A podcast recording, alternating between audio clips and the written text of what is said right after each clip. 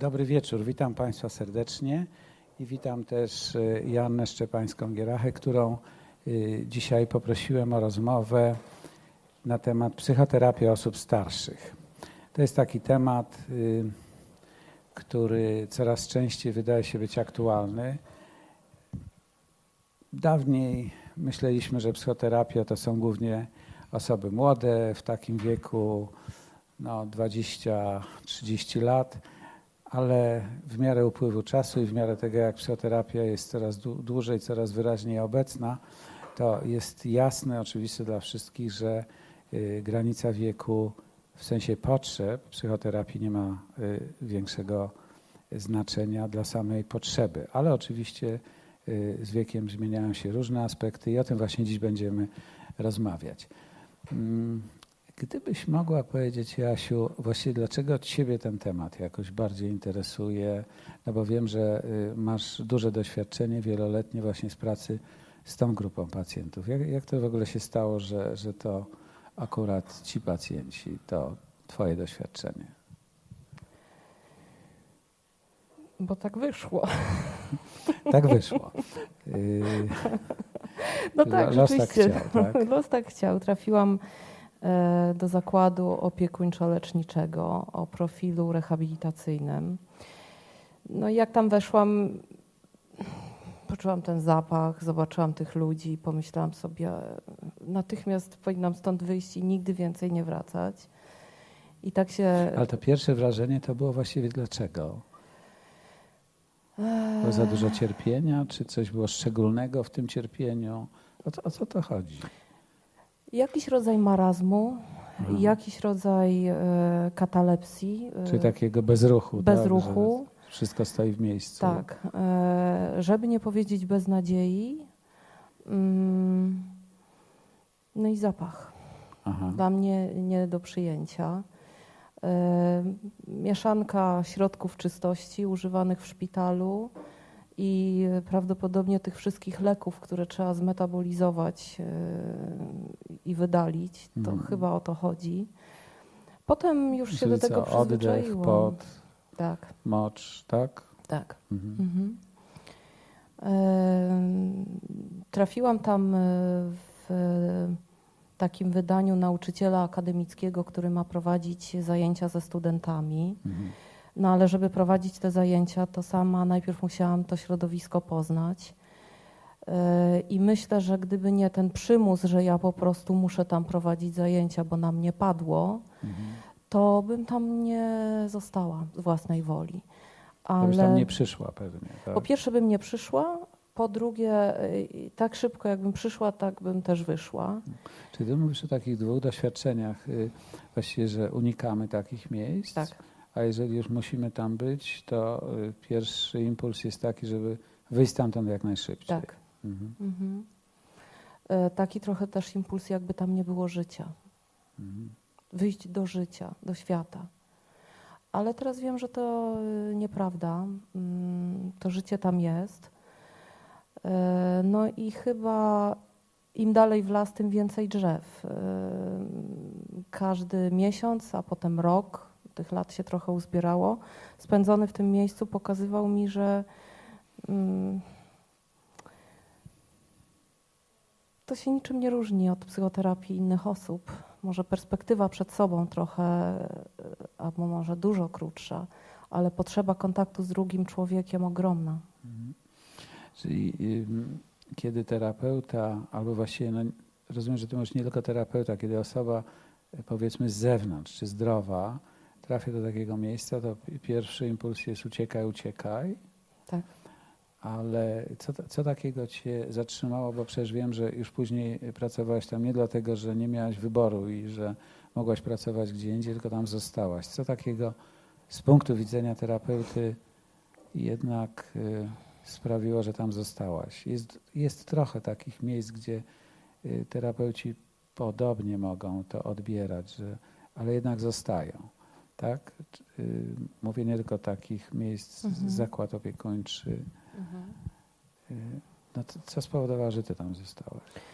No po pierwsze zostałam do momentu, kiedy miałam poczucie, że odchodząc zostawiam tam osoby, które y, współprowadziły ze mną pewne projekty i które będą kontynuowały to, co zaczęliśmy razem. Czyli uczniów, uczennicy tak. zostawiłaś. Tak, tak. No ale zanim jeszcze do tego doszło, to czemu tam w ogóle zostałaś? Um, bo, bo, ciągle czułam niedosyt y, takiego... Y,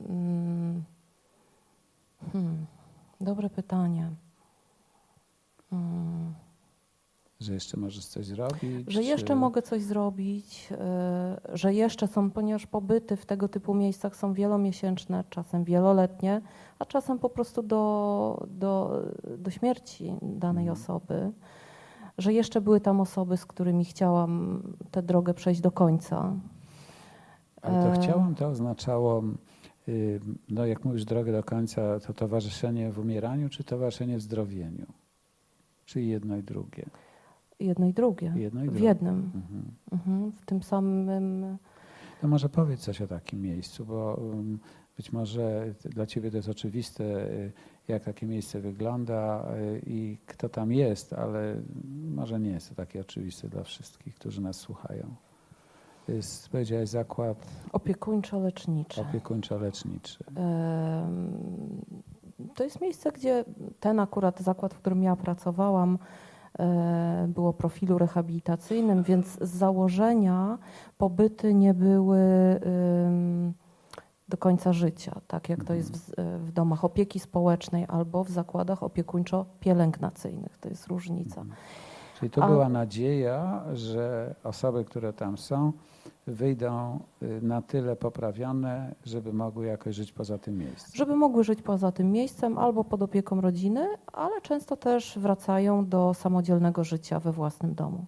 Mhm. Ale y, przyjeżdżają tam dość poważnie niepełnosprawne, na przykład po udarze, po y, złamaniu jakimś poważnym nogi, czy po implantacji endoprotezy. Y, Zasada jest taka, że pacjent naprawdę musi być y, bardzo niepełnosprawny, żeby w ogóle do takiego miejsca został przyjęty. Bardzo niepełnosprawny to taki, który na pewno sam nie mógłby być. I A i z rodziną. często, że nawet jakby z rodziną, to rodzina nie poradzi sobie z taką tak. osobą. Tak. Ze względu na jej y, dysfunkcje ruchowe albo jeszcze dodatkowe tak. innego rodzaju kłopoty zdrowotne, tak? Mhm, mhm. Mhm.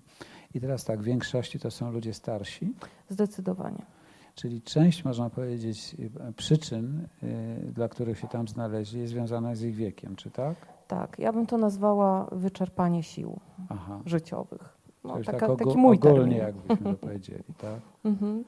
Plus y, no coś, co już było kropką nad i, czyli osoba, która już dość słabo funkcjonowała, i w którymś momencie się przewróciła i sobie coś złamała, no i już jest y, w stanie, w którym bez pomocy innych nie poradzi sobie. I że rodzina też sobie z nią nie jest w stanie poradzić w tym stanie. Tak.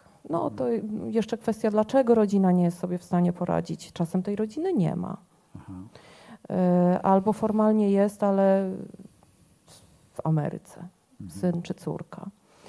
E, czasem jest, ale jest taki termin, którego używają pielęgniarki środowiskowe, niewydolna opiekuńczo z różnych powodów. Czyli jest, ale nie może się zająć, albo myśli, że nie może. Tak? Albo myśli, że nie może, a czasem nie chce. Mhm.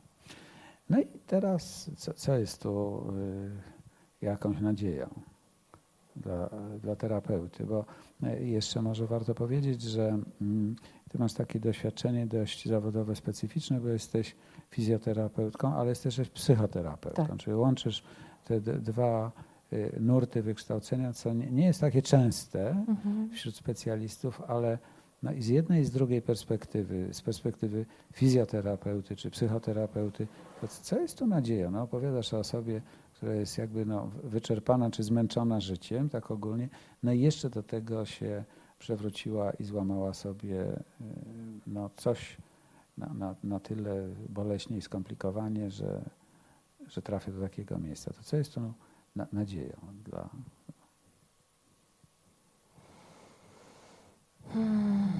Gdzie, gdzie, gdzie jest przestrzeń, no bo to się wydaje tak jak można by słuchać tego z zewnątrz, no właśnie sytuacja jest tak trudna, że pomówmy o tym, jak te ostatnie tygodnie czy miesiące, no może lata mm, no, no, jakoś zabezpieczyć, ale no tak naprawdę nadzieja to nie, nie byłoby właściwe słowo, y, ale jednak jest y, od czasu do czasu przynajmniej inaczej, więc gdzie, gdzie tu jest jakby nadzieja dla fizjoterapeuty czy, czy psychoterapeuty do pracy? Nadzieja jest w znalezieniu chęci do powrotu do świata, który jest za tym budynkiem. Chęci w tej osobie chorej, tak? Chęci w tej osobie chorej. Mhm. No i gdzie ta chęć być może?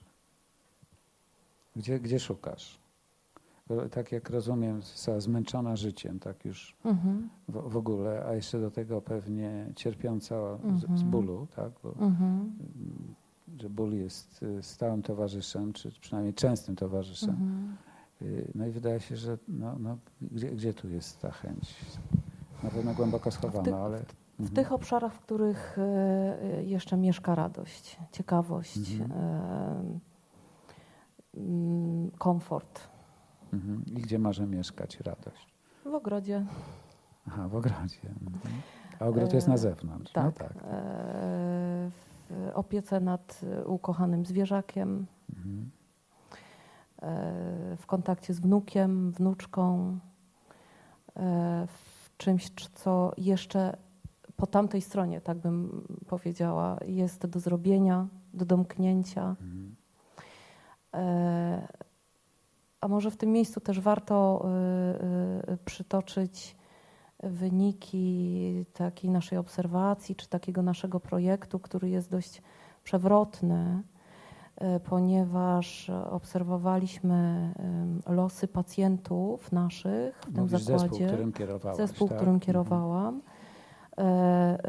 Oni wszyscy, mm, ci, których poddawaliśmy tej obserwacji, E, dostawali grupową psychoterapię jako wsparcie procesu rehabilitacji, a różnili się tym, że pochodzili z rodzin o różnym poziomie wydolności opiekuńczej. Hmm, czyli takich rodzin, które się bardziej czy mniej były w stanie zająć. Tak, tak, i takie były osoby, które w ogóle nie miały tej rodziny, takie, które miały, y, ale tak nie w pełni wydolną i takie, które miały całkowicie wydolną. I okazało się, że jeśli taki pacjent, nawet bardzo zaawansowany wiekiem i nawet bardzo schorowany, otrzymuje takie wsparcie e, terapeutyczne, właściwie całego naszego zespołu, mhm. E, ale z, z, bardzo mocnym naciskiem na grupową psychoterapię, to najszybciej odzyskują sprawność i wychodzą z ośrodka ci, którzy pochodzą z rodzin całkowicie niewydolnych opiekuńczo. To taki paradoks trochę, tak? tak? Czyli co mielibyśmy teraz powiedzieć, że jak ktoś Ci, się opiekuje mogą... swoimi bliskimi, to żeby przestał? To tak by to wyglądało? Czy... Mm, ci, którzy wiedzieli, że jeśli chcą wyjść, to tam całkowicie będą polegać tylko i wyłącznie na sobie. Mhm. E, jest bardzo duża szansa albo ryzyko, że w rodzinach całkowicie wydolnych opiekuńczo ten starszy człowiek e, płynnie przejdzie z, z roli podopiecznego zakładu opiekuńczo-leczniczego do roli podopiecznego w rodzinie. W związku z tym do roli podopiecznego nie potrzebuje zbyt dużych umiejętności, sprawności fizycznej, ponieważ tam nadal ktoś się będzie nim opiekować. A ci, którzy w ramach tej terapii prowadzonej przez nas mm, postanowili, tak to nazwijmy, wrócić do swoich domów, wiedzieli, że żeby tam wrócić, a są samodzielni czy samotni, oni naprawdę muszą być e, w dobrej formie. I im się to po prostu udawało. To właśnie niesamowite. Można tak. powiedzieć, że e, na odwrót niż by się można było spodziewać. Założenia były chwili, dokładnie tak? odwrotne. A że... pacjentów było wystarczająco dużo, żeby na naukowych podstawach to móc ocenić. To jest też trochę może podobne do tego, co no już od pewnego czasu, można powiedzieć, jak jest pacjent po zawale, to kiedyś musiał długo leżeć i powoli e, dochodzić do zdrowia, a teraz zespół go bardzo motywuje, żeby wstawał, żeby chodził, mimo że odczuwa ból i mhm. że e, no, wydawać by się mogło, że to jest najgorsze, co go może spotkać, to jednak ta motywacja zespołu leczącego jest taka, że trzeba się ruszać mhm. i że nie można zalec mhm. i że tu jest jakby trochę podobnie, tak? Myślę, że pierwszym krokiem to jest w ogóle odnalezienie y, tego, nie wiem, idei, uczucia albo zadania, y, które ten y, starszy człowiek chciałby jeszcze poczuć, dokonać albo domknąć. Mhm. Czyli, Jeśli, że jeszcze ma coś w życiu do, do zrobienia. zrobienia. Tak. Mhm. E, I jeśli się to znajdzie, to e, różnica między tymi osobami, które nie mają rodzin albo nie mają ich bardzo blisko, a tymi, które te rodziny mają, no jest taka, że po prostu ci, te osoby, e, nazwijmy to bardzo pobieżnie, samotne, po prostu natychmiast wiedzą, że muszą się naprawdę solidnie wziąć do roboty, bo tam na zewnątrz nie ma nikogo, kto szklankę wody poda. Tam po prostu trzeba sobie poradzić. Mhm. Ale oni sobie, oni się tak fizycznie zbiorą do kupy, tylko pod warunkiem, że naprawdę znajdą coś, co spowoduje, że oni chcą wyjść. Mhm. Czyli y, jeśli ja dobrze rozumiem, to pomagacie im szukać jakiegoś ważnego dla nich celu, który jest na jutro, na pojutrze, tak. na przyszłość, tak. na y, następny rok, czy na ten rok jeszcze, tak? Celu jest, albo powodu. Mhm, że to jest właściwie niezwykłe, bo można powiedzieć, że w takim razie, jakby tak trochę to podsumować, to że przyszłość dla osób starszych jest niezwykle ważna. Tak. Co jeszcze mam do zrobienia w tym czasie, tak. który mam. Mhm. Tak. Do tego jest potrzebna psychoterapia oczywiście. No, czy w każdym razie może się przydać, tak? Mówisz, że grupowa. Grupowa to znaczy, że w grupie jest więcej osób, które mają ten cel do znalezienia, tak? tak. I jak to się dzieje? Oni sobie pomagają, czy też tak jakoś się trochę czują spłoszeni przez to, że ich jest więcej? To, to jakoś ich wzajemnie mm, się, się w tym wspierają, czy, czy jest dokładnie na odwrót? No bo tak sobie można w pierwszej chwili pomyśleć, no jak jest jedna taka osoba, to jest ciężka. Jak jest dziesięć takich osób razem, no to dopiero się robi y, ciężko. To właściwie po co grupowa ta terapia? Nie. Myśmy pracowali w modelu między 6 a 8 osób mhm. y, i dwóch terapeutów, y, dlatego że pomieszczenie, które mieliśmy do dyspozycji, więcej nie mieściło. Aha. Więc tylko w takich grupach między 6 a 8 osób mam doświadczenia, bo to jeszcze wózek i jakaś przestrzeń no tak, potrzebna, tak. żeby się pomieścić. I y, czy sobie pomagają? Bardzo sobie pomagają. No ale na, na czym to polega? Już tak by mogła komuś, kto nigdy nie był w takim miejscu, tak zdroworozsądkowo, no, no wiesz, no, sześć osób, które każda jest niepełnosprawna, na ogół to bardzo widać, prawda? Być może sześć wózków wjechało. Tak. Y, no i, i, i to nie, nie zanurzą się tak w tej wspólnej niemocy? Moje doświadczenia z prowadzenia y, psychoterapii indywidualnej są takie, że w indywidualnej ja się muszę naprawdę bardzo narobić, Aha. w przeciwieństwie do grupy, która być może na początku wymaga ode mnie aktywności większej, żeby w ogóle pokazać y, uczestnikom, co tu będzie się działo i trochę ich ośmielić, ale naprawdę nawet nie za bardzo a potem to już płynie. Mhm. Bardzo dużo wsparcia, wzajemnej motywacji y, dostają pacjenci od siebie nawzajem. Aha, czyli y, na przykład od siebie wzajemnie mogą się trochę wspierać, co jeszcze może być ważne w życiu na przykład, tak? Oczywiście. Poza tym każdy postęp to też taki ważny aspekt, żeby mm, tam, gdzie ciało choruje, y, uwzględniać bardzo to ciało podczas psychoterapii i każdy Wśród tych sześciu osób oczywiście, czy ośmiu, oczywiście są takie osoby, u których fizjoterapia idzie jak po grudzie, ale są też takie, które są namacalnym dowodem na to, że wczoraj ręką nie ruszał, a dzisiaj rusza i, i podnosi do góry. I podnosi tak? do góry i inni na to patrzą yy, i widzą, że to jest możliwe.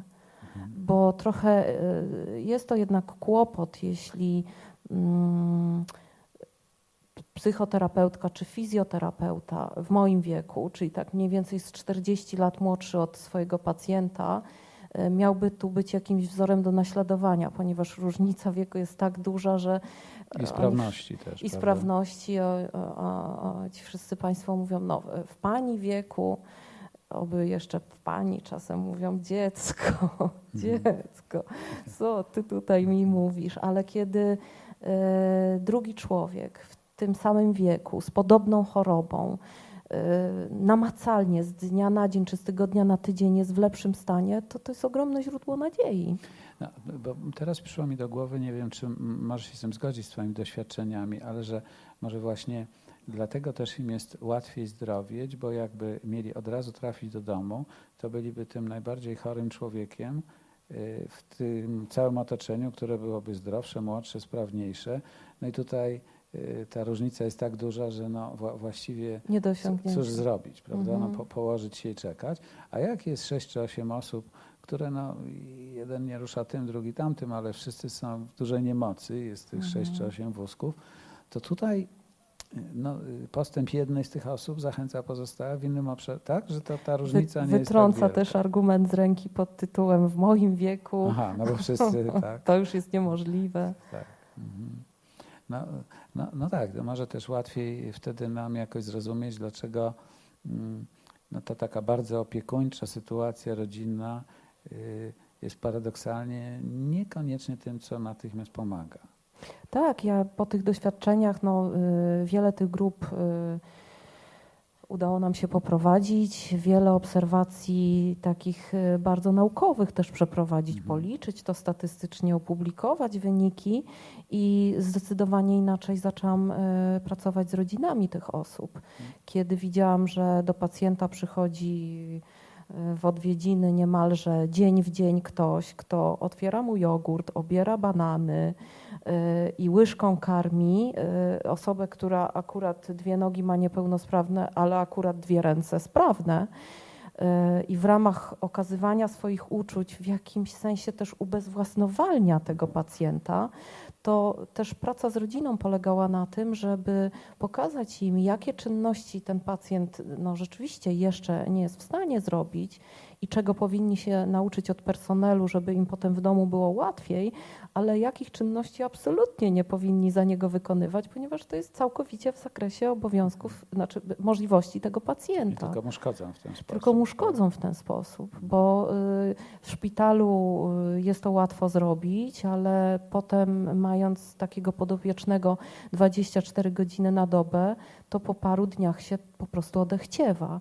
I takie pytanie, czy chcecie mieć takiego podopiecznego, który będzie oczekiwał, że jogurt zostanie otwarty, a łyżka sama powędruje do ust. No i w ten sposób też pracujemy wspólnie, z, pracowaliśmy, bo ja już teraz w innym miejscu pracuję, z rodzinami nad tym, że no, opieka e, niekoniecznie polega na wyręczaniu. A no, właściwie... No powiedz, łatwo jest jakoś znaleźć ścieżkę do takiej rodziny, która się bardzo opiekuje i właściwie można powiedzieć mm, z takiego no, potocznego punktu widzenia no, mogła być wzorem troskliwości.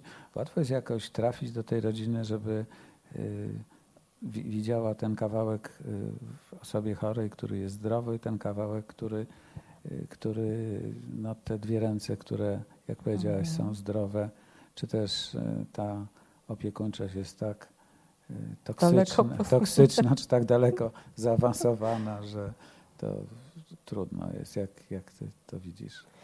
Nie ma jednej odpowiedzi. Co rodzina, to inna historia. Czasem ta nadmiarowa opiekuńczość, a może nie, niekoniecznie powinnam akurat od tego przykładu zaczynać, wynika z tego, że akurat e, sprawy testamentowe trzeba jakoś uregulować i teraz tak opiekuńczość ogromna się pojawia, ale to powiedziałabym są skrajne przypadki. Natomiast nawet w tych przypadkach to ona jest, y, ma działanie odwrotne, oczywiście, jeżeli już. Tak? Oczywiście, mhm. ale ym, kontekst społeczny też jest ważny, bo czasem te rodziny, które przychodzą, są sale wieloosobowe, y, cztery, czasem pięć łóżek. Y, no teraz się to już może rzadziej zdarza, bywają i dwu i trzyosobowe pokoje, ale to też jest trochę rodzaj teatru, które jedna rodzina odgrywa przed drugą, jak bardzo są opiekuńczy, kiedy y, przychodzą i na godzinę spotkania z pacjentem cała ta historia się odgrywa, ale ta historia też potem ma dalsze swoje konsekwencje, że y, pacjent ma nadzieję, że kiedy on wyjdzie do domu, to będzie trwało. A nie powinno. A nie powinno, więc może nie bawmy się w tego typu historie już na oddziale, tylko z, z, spróbujmy się wspólnie zastanowić, co jest naprawdę potrzebne, a co jest nadmiarowe i, i do niczego dobrego nie prowadzi. Czyli tutaj jakby mm, tak bardzo uprościć konkluzję, to można powiedzieć, że trzeba uważać, żeby nie udusić tego pacjenta swoją miłością czy nadmierną troską. Zdecydowanie. Mhm.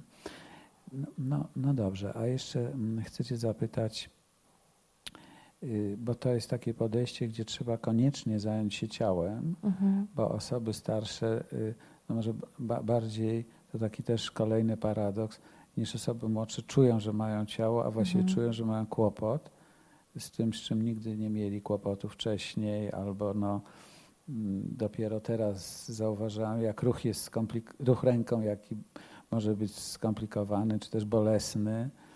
Mm, więc ciało niewątpliwie trzeba wziąć pod uwagę. Tak? I ono wtedy jest w centrum. Mhm. Myślę, że 80% czasu, który mamy w tym sposobie pracy ze starszymi ludźmi, jednak szczególnie w takim miejscu, w którym ta sprawność została utracona, y, dotyka 80% tego, co się dzieje, dotyka właśnie ciała. Ono się staje takim medium do przekazywania istotnych y, terapeutycznych treści. Na, na przykład sugestii.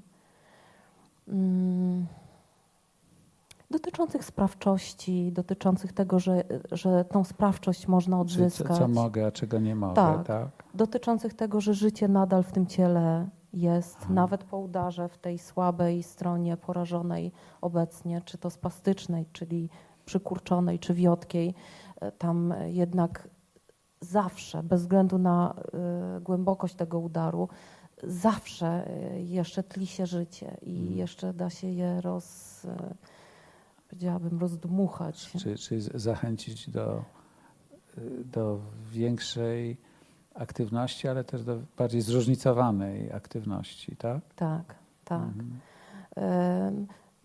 Mnóstwo takiego metaforycznego, symbolicznego przekazu może mieć związek z ciałem, z wieloma aspektami tego ciała i z przyjemnością, i ze sprawczością, i z poczuciem mocy, i, y, i z kobiecością, i z męskością.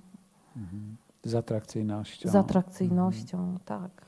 Czyli na pewno te 80% to jest ciało, trochę to jest psychika, tak? I ten trzeci wymiar rodzinny, społeczny, społeczny. tak? No sam fakt, że y, ja jednak w pracy z osobami starszymi stawiam na grupowy charakter y, pracy, mm. bez względu na to, czy to są osoby tak mocno niepełnosprawne, jak w zakładach y, takich zamkniętych, tak to brzmi jakoś ciężko. Czyli zamkniętych w taki sposób, że. Że całodobowa hospitalizacja dłużej, tak? i są sensie. dłużej. Mhm. Czy te, w tych projektach, które obecnie prowadzę, bo to tak sobie wymarzyłam po pracy w tym zakładzie opiekuńczo-leczniczym, żeby się. Y, zupełnie nie pozbawić pracy ze starszymi ludźmi, bo ja to po prostu bardzo lubię i uważam, że to ma sens, ale cofnąć, e, powiedziałabym, o 10 lat wcześniej, kiedy szkody w ciele nie są jeszcze tak duże i kiedy naprawdę dużo jeszcze można zrobić. Ale jak mówisz cofnąć, to masz na myśli? Młodszą grupę wiekową, bo Aha. wcześniejsze Czyli moje doświadczenia. z trochę młodszymi osobami. Trochę młodszymi mhm. pacjentami, mhm. kiedy moje wcześniejsze doświadczenia e, dotyczyły osób około 70 70-letnich, a teraz z ostatnich 4 czy 5 lat około 60-letnich. Dla niektórych to w ogóle jeszcze nie jest w obszarze starości. E, e, no ale jeśli średnia to jest 60 parę, no to znaczy, że też są ludzie zbliżający się na przykład do 70, kiedy również e, ciało już daje się we znaki, ale jeszcze to są osoby mieszkające samodzielnie we własnych domach, często nawet e, opiekujące się jeszcze wnukami, które mm, w ramach zajęć dwa, raz, dwa lub trzy razy w tygodniu przychodzą, do, żeby jakby nad sobą pracować w takim właśnie ujęciu biopsychospołecznym. Czyli ciało, ciało psychika i ro, rodzina albo bliscy, tak? Czy też przestrzeń społeczna? Przestrzeń społeczna powiedziałabym, dlatego że y, już teraz y, z tych grup takich 6-8 osobowych, które prowadziłam w tym zakładzie, obecnie pracuję z grupami seniorów, y, a raczej powinnam powiedzieć seniorek, bo, bo tylko na razie kobiety w tych naszych projektach uczestniczą, to już są osoby, to już są grupy 12 do maksymalnie 15 mhm. osobowe i myślę, że ten bardzo ważny wymiar społeczny w kontekście y, integracji z innymi osobami w podobnym wieku, które mają mhm. podobny cel, jest bardzo ważna. To już są osoby niektóre uczestniczące w naszych projektach na przykład przez 4 lata, więc ten kontakt terapeutyczny jest już bardzo długi i taki ugruntowany. I widzę, że w tym czasie taka grupa dwunastoosobowa powiedzmy, no czasem dziesięcio, bo ktoś się wykrusza, ktoś nowy przychodzi, to jest ogromne wsparcie.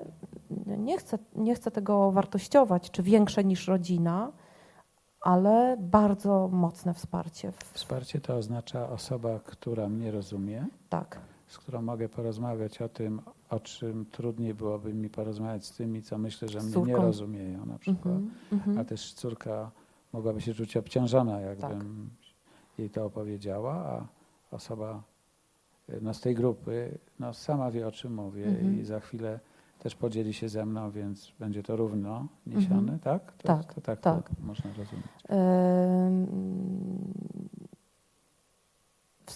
Wsparcie to jedno, ale też e, motywacja i mobilizowanie się wzajemne w określonym celu. Cel, który my mamy jako fundacja aktywizacji seniorów, jest poprawa zdrowia w bardzo szerokim rozumieniu. Od poprawy sprawności, y, redukcji wagi, co jest powszechnym problemem nie tylko starszych osób, ale starszych szczególnie, y, wydłużenia tego okresu samodzielności przez edukację prozdrowotną, psychoedukację, skończywszy właśnie na tej swoistej grupie wsparcia, którą każda z prowadzonych przez nas grup tworzy dla siebie. To jeszcze Cię zapytam, y, gdyby nas słuchały osoby y, z takiego młodego pokolenia terapeutów, to dlaczego, dlaczego warto jest mm, pracować z osobami starszymi? No bo y, Ty też mówisz to z takiej perspektywy, że dostajesz informacje od, od tych pacjentów, że Ty jesteś z innego świata, z innego pokolenia. Mhm no ale, ale pracujesz z nimi, tak? Bo nie mamy takiej sytuacji. Ja znam trochę terapeutów z zagranicy, którzy no na pewno y, są w tej grupie, o których mówisz, tak? Czyli mhm. 80 lat, 80 parę i y, prowadzą aktywną praktykę terapeutyczną. No może trochę pracują mniej niż 30 lat wcześniej, no ale pracują i te osoby mówią, że no, dla nich to głównie ma znaczenie takie, że robią zawód, który y, lubią, ale dla tych pacjentów, którzy są w tym samym wieku, na pewno jak ktoś ma 80 parę, to jak ma pacjenta 60 parę, to jest o pokolenie starszy, to to też jest ważne, że ten terapeuta jest w takim wieku właśnie. Mhm. Ale ty jesteś no, z całą pewnością y, z, z pokolenia y, młodszego. Ich dzieci no, ich dzieci. No i teraz gdybyśmy mieli terapeutów, którzy są może jeszcze pokolenie młodsi, no albo w każdym razie zastanawiają, to dlaczego jakbyś tak mogła się podzielić tym swoim doświadczeniem? Dlaczego co jest dla terapeuty y, takiego ważnego w tej pracy, że, że ty to robisz? No już na pewno masz y, dużo innych możliwości pracy, a, a y, zostajesz z tą grupą pacjentów. Co, co takiego dla, dla terapeuty, który sam na pewno nie jest w tym wieku jeszcze, przytrzymuje cię przy tej pracy? Egzystencjalnie sama sobie swoją przyszłą starość e, oswajam mhm. i to jest e, cenne dla mnie. To jedno, to egzystencjalnie. Bardzo osobiście potrzebuję też kontaktu, tak osobiście mhm. z osobami, które mm, są w tym wieku, ponieważ w swojej rodzinie już tego kontaktu nie doświadczam. Mhm. E, bardzo formalnie wiem, że tej, nigdy nie zabraknie mi e, pacjentów. E, wiem, że też mm, jest to póki co szczególna specjalizacja, w mhm. której się czuję pewnie, ponieważ niewiele osób to robi. Tak, no w ogóle y, te wszystkie specjalizacje medy medyczne, tak? Wiemy, że też geriatria jako specjalizacja medyczna jest no, niezwykle poszukiwana, tak. tak. Że jest za mało specjalistów, a za dużo potrzeb i też terapeutów, którzy mają mhm. doświadczenie, y, czy psychoterapeutów, czy fizjoterapeutów, którzy mają doświadczenie z tą szczególną grupą osób, jest też za mało. Mhm.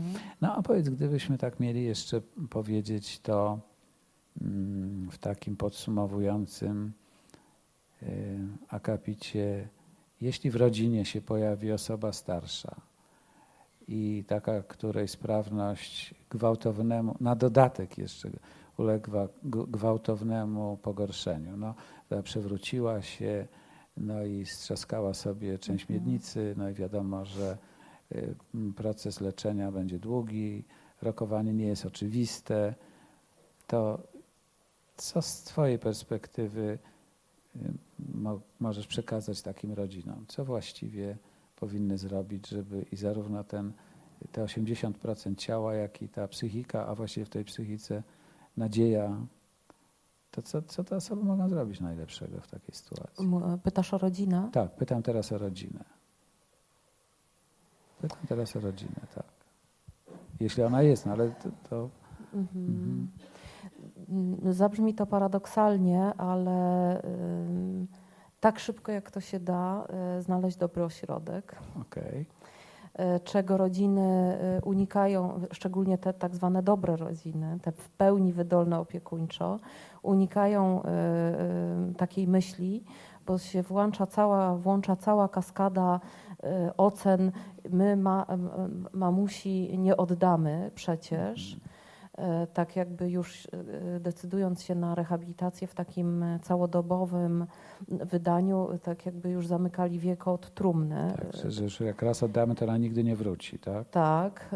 A to jest e, paradoks, że im szybciej oddamy, to ona szybciej wróci, tak? Takie jak... jest moje mhm. doświadczenie, ale ono płynie z tego konkretnego ośrodka, w którym wiele lat pracowałam. Mhm a jeśli już e, absolutnie nie ma w nich zgody albo po prostu e, bezpiecznego miejsca, które uznaliby oni za bezpieczne, mm, to mądry fizjoterapeuta, który przychodzi do domu i usprawnia taką osobę, i najlepiej jeszcze, żeby ten fizjoterapeuta był w jakimś takim przymierzu terapeutycznym. Tego uczę swoich studentów, bo pracuję na Wydziale Fizjoterapii nie, nie, nie próbujcie radzić sobie sami. Na pewno gdzieś w waszej okolicy jest jakiś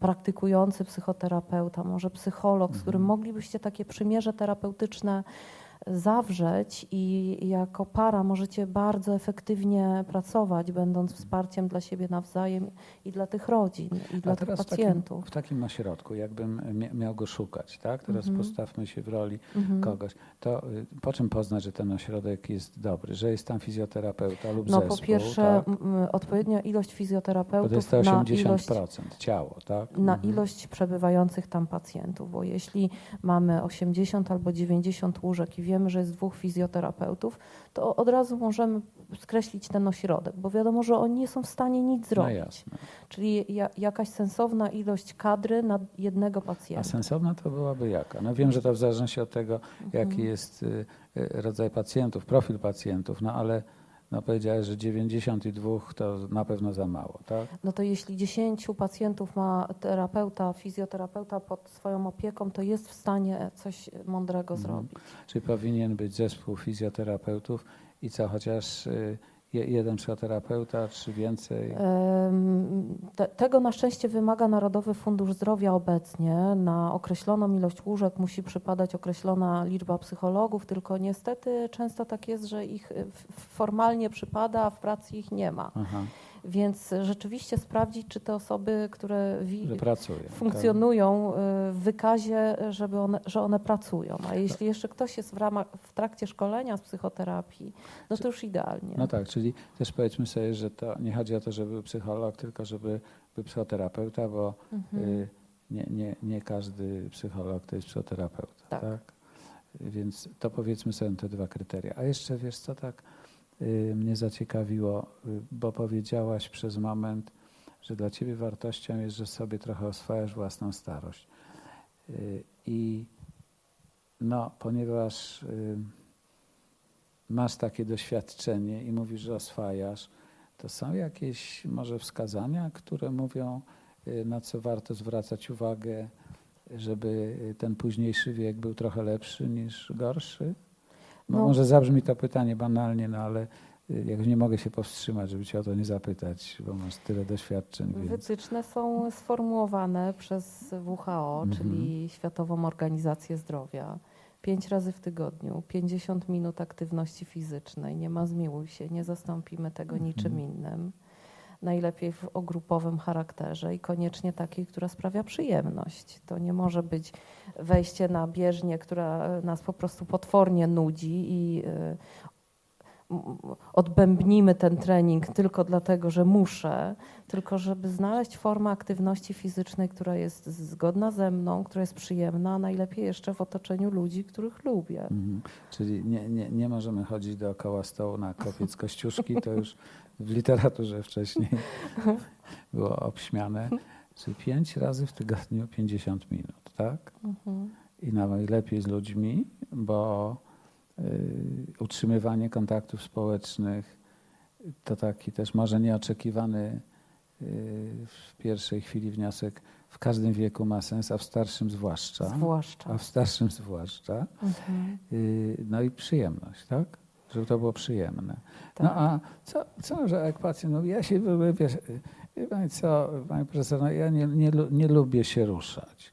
Nigdy nie lubiłem. No a pani mi mówi, że po pierwsze mam się ruszać i mieć przyjemność. To ja chcę pani powiedzieć, ja nie mam przyjemności jak się ruszam. Ja mam przyjemność jak siedzę. To co? No, jedyna, jedyna rada na to to jest taka, przyjść do nas na zajęcia, do fundacji, gdzie to prowadzimy i jeden czy właściwie po jednym razie już można się przekonać, czy się to lubi, czy nie. I jeszcze mi się nie zdarzyło, żeby ktoś powiedział, a jednak jest. Żeby ktoś został przy tym zdaniu uparcie. Żeby ktoś tak? został. Zresztą jak się znajdzie kilka takich osób, które też mówią, czego nie mogą, a i czego nie lubią, to zaczną mówić, co mogą i co lubią, czy tak? Tak, tak. Mhm. mhm. Chciałeś jakoś może mm, jeszcze coś powiedzieć, o czym nie rozmawialiśmy, co wydaje się ważne, albo jakoś podsumować tę rozmowę, zanim e, oddamy Państwu głos i e, być może porozmawiamy tutaj e, o tym, co zaciekawia no nie tylko nas, ale, ale Państwa. Jest coś, co jakoś się układa w jakiś wniosek, czy też zostawimy to na troszkę później jeszcze? Mm, coś, co ważne, żeby tutaj zostało powiedziane dla mnie, mhm. kiedy mówiłam o tym, że oswajam sobie własną starość, pracując y, z kobietami, które mają 60, 70, 80 i też y, uczestniczy w zajęciach pani, która ma 90 lat to to, że bardzo wydłuża mi się perspektywa mojego życia i to jest niezwykle cenne. I też y, widzę, że warto teraz, kiedy mam 40 lat z hakiem, y, ten wysiłek w postaci 5 razy w tygodniu, 50 minut, a przynajmniej 3 razy w tygodniu po, ponosić, ponieważ jeśli tylko ciało jest w dobrej formie, to fakt, czy ktoś ma 60, 70 czy 80 lat, absolutnie jest nieważny. E, czasem, a może nawet wiele osób ma takie poczucie, że życie gdzieś się kończy. Ci, co mają 20, myślą, że kończy się po 40, ci, co mają 30, to to już myślą, że po 50 to się na pewno kończy. A ja teraz mam takie głębokie egzystencjalne przekonanie, że to naprawdę jest y, nie ma tej granicy. Mhm. Jeśli widzę niesamowicie funkcjonujące 80 i 90-letnie osoby, to myślę sobie, no moim zadaniem jest tylko na teraz zadbać o moje ciało, żeby ono mi nie odmówiło posłuszeństwa, bo y, i radość życia, i jakiś rodzaj wewnętrznej energii, i y, poczucia sensu nie jest w ogóle zależny od wieku. Mhm ale w dużym stopniu jest zależna od tego, jak dbaliśmy tak. i dbamy o swoje ciało. W dużym stopniu jest zależna mhm. od tego, jakie ograniczenia stawia ciało i im większe te ograniczenia, tym trudniej wydobyć to, co na, czym możemy się naprawdę cieszyć no, do śmierci. Mhm. A też w tym brzmi coś takiego, że y, ty mówisz o ciele tak bardzo przyjaźnie, a nie tak, że ciało jest naszym wrogiem, czy też bywa y, przez nas zmuszany do wysiłku, tylko że właściwie mhm. powinniśmy zadbać o przyjemności dla tego ciała. Jeszcze najlepiej, żeby było z ludźmi, z którymi y, lubimy być. Tak. Mhm. To ja bardzo Ci, Jasiu, dziękuję za to y, spotkanie. Zapraszam też na następne, które będzie dotyczyło bólu, czyli y, bólu i jego psychologicznych aspektów i to będzie też ostatni poniedziałek kwietnia. Także bardzo Państwu dziękuję i bardzo Ci, Jasiu, dziękuję.